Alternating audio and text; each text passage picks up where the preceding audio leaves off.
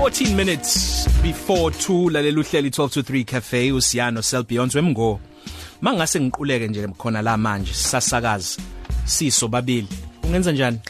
Ngingenza lento abayibiza ngecardiopulmonary resuscitation. Eh okusho ukuthini ke CPR dingathatha umlomo wami udebe lwakho udebe lami hayi umlomo ukuthungo benza kanje. Ngingathatha umlomo wami ngufake wakho ngoba uyakuthanda vele lokho. ngikufuthe ngikufuthe ngikufuthe uzuphaphame hawe ma. Mhlawumbe ngabe uyangiqedela ake sikhulume nodokotela. Ake sikhulume nodokotela yena ozokwazi kangcono ukuthi ukuze ngivuke kulesimo engingabe ngikusona yini engidinga ukuthi ngiyenze kahle ngilandelele kuyi CPR siyabingelela udokotela wethu. Dr Nqobile Sithole Mhlongo sawubona magodo wakithi. Ngiyabingelela nami studio angisahlekile kanje uSelbank hlekisa Ngiyabe ngimsiza kodwa niyahleka ngiyakubonga ke dokotela. Kangihlekisa indlela asho ngayo ukuthi ngimfuthe. Okay so Dr Nqobile usiyakhuluma ngendaba yokuthi udebe. Mina ngiye ngibone kodwa ukuthi bafaka umlomo wonke we oh. Kusho ukuthi njengoba usuke ufuthi ibhaluni uqinisele mawuthi ukufutha. Nje. Eh.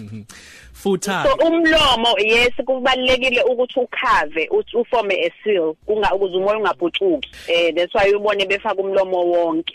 Kusukela izolo kube umhla ka10 kulenyanga kwephezulu November i National CPR Week. Ibaleke ngani CPR Dr Nqobile? Futhi kuphi okusuke kufundiswa kulezi insuku Eh kubalekile ukuthi abalaleli baqonde ukuthi iCPR iyasindisa impilo zabantu. So akudingi ukuthi umuntu aze aqeqeshwe ukuze anikezele iCPR njengoba sesi nolwazi olungaka ngisho emafonini ethu kune ungakwazi ngisho ukuyibhekela wena ku Google bayakhombisa ukuthi uyenza kanjani iCPR kodwa nje ukugcizelela ukubaleka kwayo iCPR ukuthiwa CPR save lives isindisa impilo zabantu ngokuthi ngisho kuthiwa umuntu uyawa njengamanje uyaquleka noma ngabe kuthiwa yini emqulekisile. Uyakwazi ukuthi nge-CPR ukwazi ukumnikezela umoya ozoya emaphashini bese uya ebuchosheni bakhe ngoba okubalekile umuntu ngaphambi kokuthi size sithi ushonile okusho ukuthi akasaphili ingqondo eqale ife the brain. So iCPR iaim yayo ukuthi umuntu ngesikhathi ene ekuleso simo sokuquleka noma ngabe sithiwa yini imbangela yaso. Igazi liqhubeke liye kwi-brain ne-oxygen le edingwa izakhamzimba. Awusiqeqesheke nje kafushane dokotela yize noma singaboni. Nangoku umuntu kuyabonakala ukuthi uphelelwa akasaphefumuli ngendlela nanga umuntu ezo ezofa asenze njani? Eh okubalekile ukuthi umuntu mangabe efa oh sorry equleka noma ngabe ewaphambi kwakho kubalekile kwawena ukuthi uqale ubheke ukuthi akukho nokuzokulimaza kuqala. If kuukuthi akukho okuzokulimaza ungaya kumuntu usondele ulalele ngendlebe ukuthi uyezwa yini ukuthi uyaphefumula umoya eh elele kuleyo ndawo. Umuntu uma ngabe uzwa ukuthi akaphefumuli kubalekile ukuthi ubuso uqala umphefumulela njengoba desisho nje kusel njengoba usuke ufuthi ibhalunde nje wenze sure ukuthi indebe zomlomo wakho phekwe indebe zomlomo wakhe zicindezele akukho umoya oputukayo ufuthe kabili ubese uyezwa ukuthi ngabe ene uyashaya inhliziyo ungezwa phekwa inhliziyo noma ungezwa entanyeni ukuthi uyawuzwa nomthambo oshayayo. Uma ungekho lo mthambo oshaya oshaya kubalekile ukuthi uqalise ukucindezela esifubeni sakhe lokho esithi phecelezi ama chest compression. Mm, mm. ngoba ngaleyo ndlela okusuthi usumphampela wena njengenhliziyo yakhe. That is how important CPR is ngoba inhliziyo isuke imile inga ingaphambi. So ngesikhathi nje wena wenza lokho lawo ma compressions noma lokho okucindezela okuthiwa kufanele kube u3 to 5 cm ukujula kwakho esifubeni kusho ukuthi akufanele ucindezele kakhulu ngokweqile noma futhi kancane. Usuke usiza inhliziyo yakhe ukuthi each time ucindezela igazi uyaliphampa mm, mm.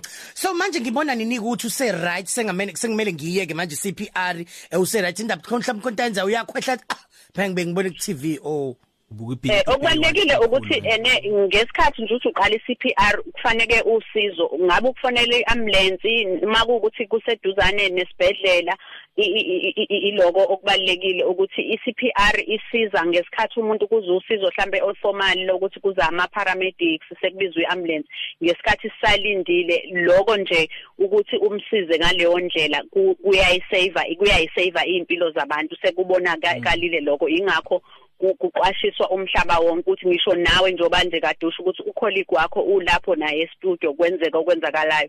Ungakwazi ukuthi umsize impilo yakhe isaveke ngoba the brain needs seconds ukuze ene igazi lingabe lisaya. And ingqondo yomuntu or the brain iyona econtrola yonke into. Ukungaphefumuli nje u3 ukungaphefumuli iminutes kahle kahle. Kusuke sekusho ukuthi lo muntu usephakathi kokufa nokuphila.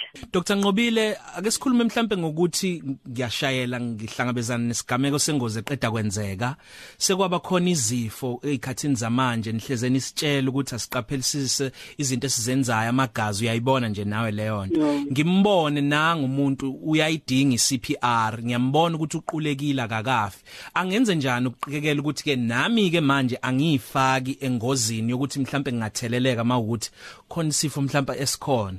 Yebo ku- kubaluleke kakhulu njengoba ngike ngasho ekuqaleni ukuthi kubalulekile ukuthi ungayifaki wena engozini njengoba ubalula nje umuntu owophayo ukuthi kuna- kunezinto ezibizwa ngama mouthpiece eziba khona kwamanye ama emergency kits afika nezimoto zethu zamanje. Ungayisebenzisa leyo nto ngoba uyifaka yona ine i- i- i- icishe ibe nemlomo emibili okungena kumuntu lo omenza uCPR nokungena kowakho umlomo bese kuba nebarrier kaplastic la. Okuyinto nje ekwazi ukufaka umoya kuphela engakwazi ukufaka amathe engakwazi ukubuyisa igazi. Uma ngabe ungenayo leyo nto ngisho kuthiwa i- i- i- njengoba ngisho nje ukuthi kubalekile umuntu ukuthi uziphephise wena kuqala. Uqinisile. Dr Nqobile Eh. iningi lolwazi umlalela ngalithola kuphi la khona selithola lonke mhlambe futhi uma efuna ukuthi aqeqeshwe angaqeqeshwa kuphi? Eh kukhona i- i- i- izim i- ilento ama ama organization asiqeqeshayo kwi CPR eh enye yawo nje ibizwa nge Resuscitation Council of South Africa. Iyaqeqesha kwi- kwizinto zoku zokutreata abantu kuma emergencies ila khona umlaleli angakwazi ukuthi aqeqeshelwe zona. Futhi okunye ngifuna ukugcizelela nje ukuthi kukhona ezinye inhlangano ezi ezi- e- e- e- kakhulu as umuntu ngisho kuthiwa nje umuntu ongekho kwezempilo ukuqeqeshelwa u- u- ukuthi ukwazi ukusiza umuntu osesimeni esiphuthumayo. Ngisho ezikoleni kwabadlala ama sports eh ngisho noma kabe yini enye e- esibandakanya ngayo enobungozi la okhona ongasiza umuntu. Even sekisho nje ngokomkhakha we career yakho umuntu not necessarily ngobe udokotela noma unesi. Siyabonga kakhulu Dr Nqobile. Khona ufuna ukusho? Eh eh siyavalisa ngoba Dr ngizokusho mva Dr Nqobile.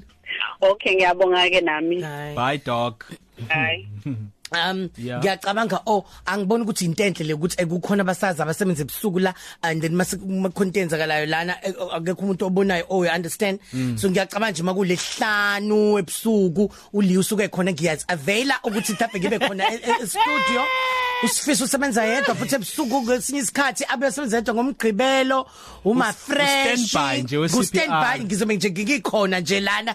Ngi- ngi- nje ngiyayinikela nginikela ngesikhathi sami. Ulihlophe. Ulina Uki- u- u- u- awuhamba uSifiso, Tumbeze ya uKings Fiso u- u- uma Uma fresh fresh. uba futhi umuntu ungena ebusuku umuntu Ulucky wesilisa. Nkosi. Ulucky Nkosi Ulucky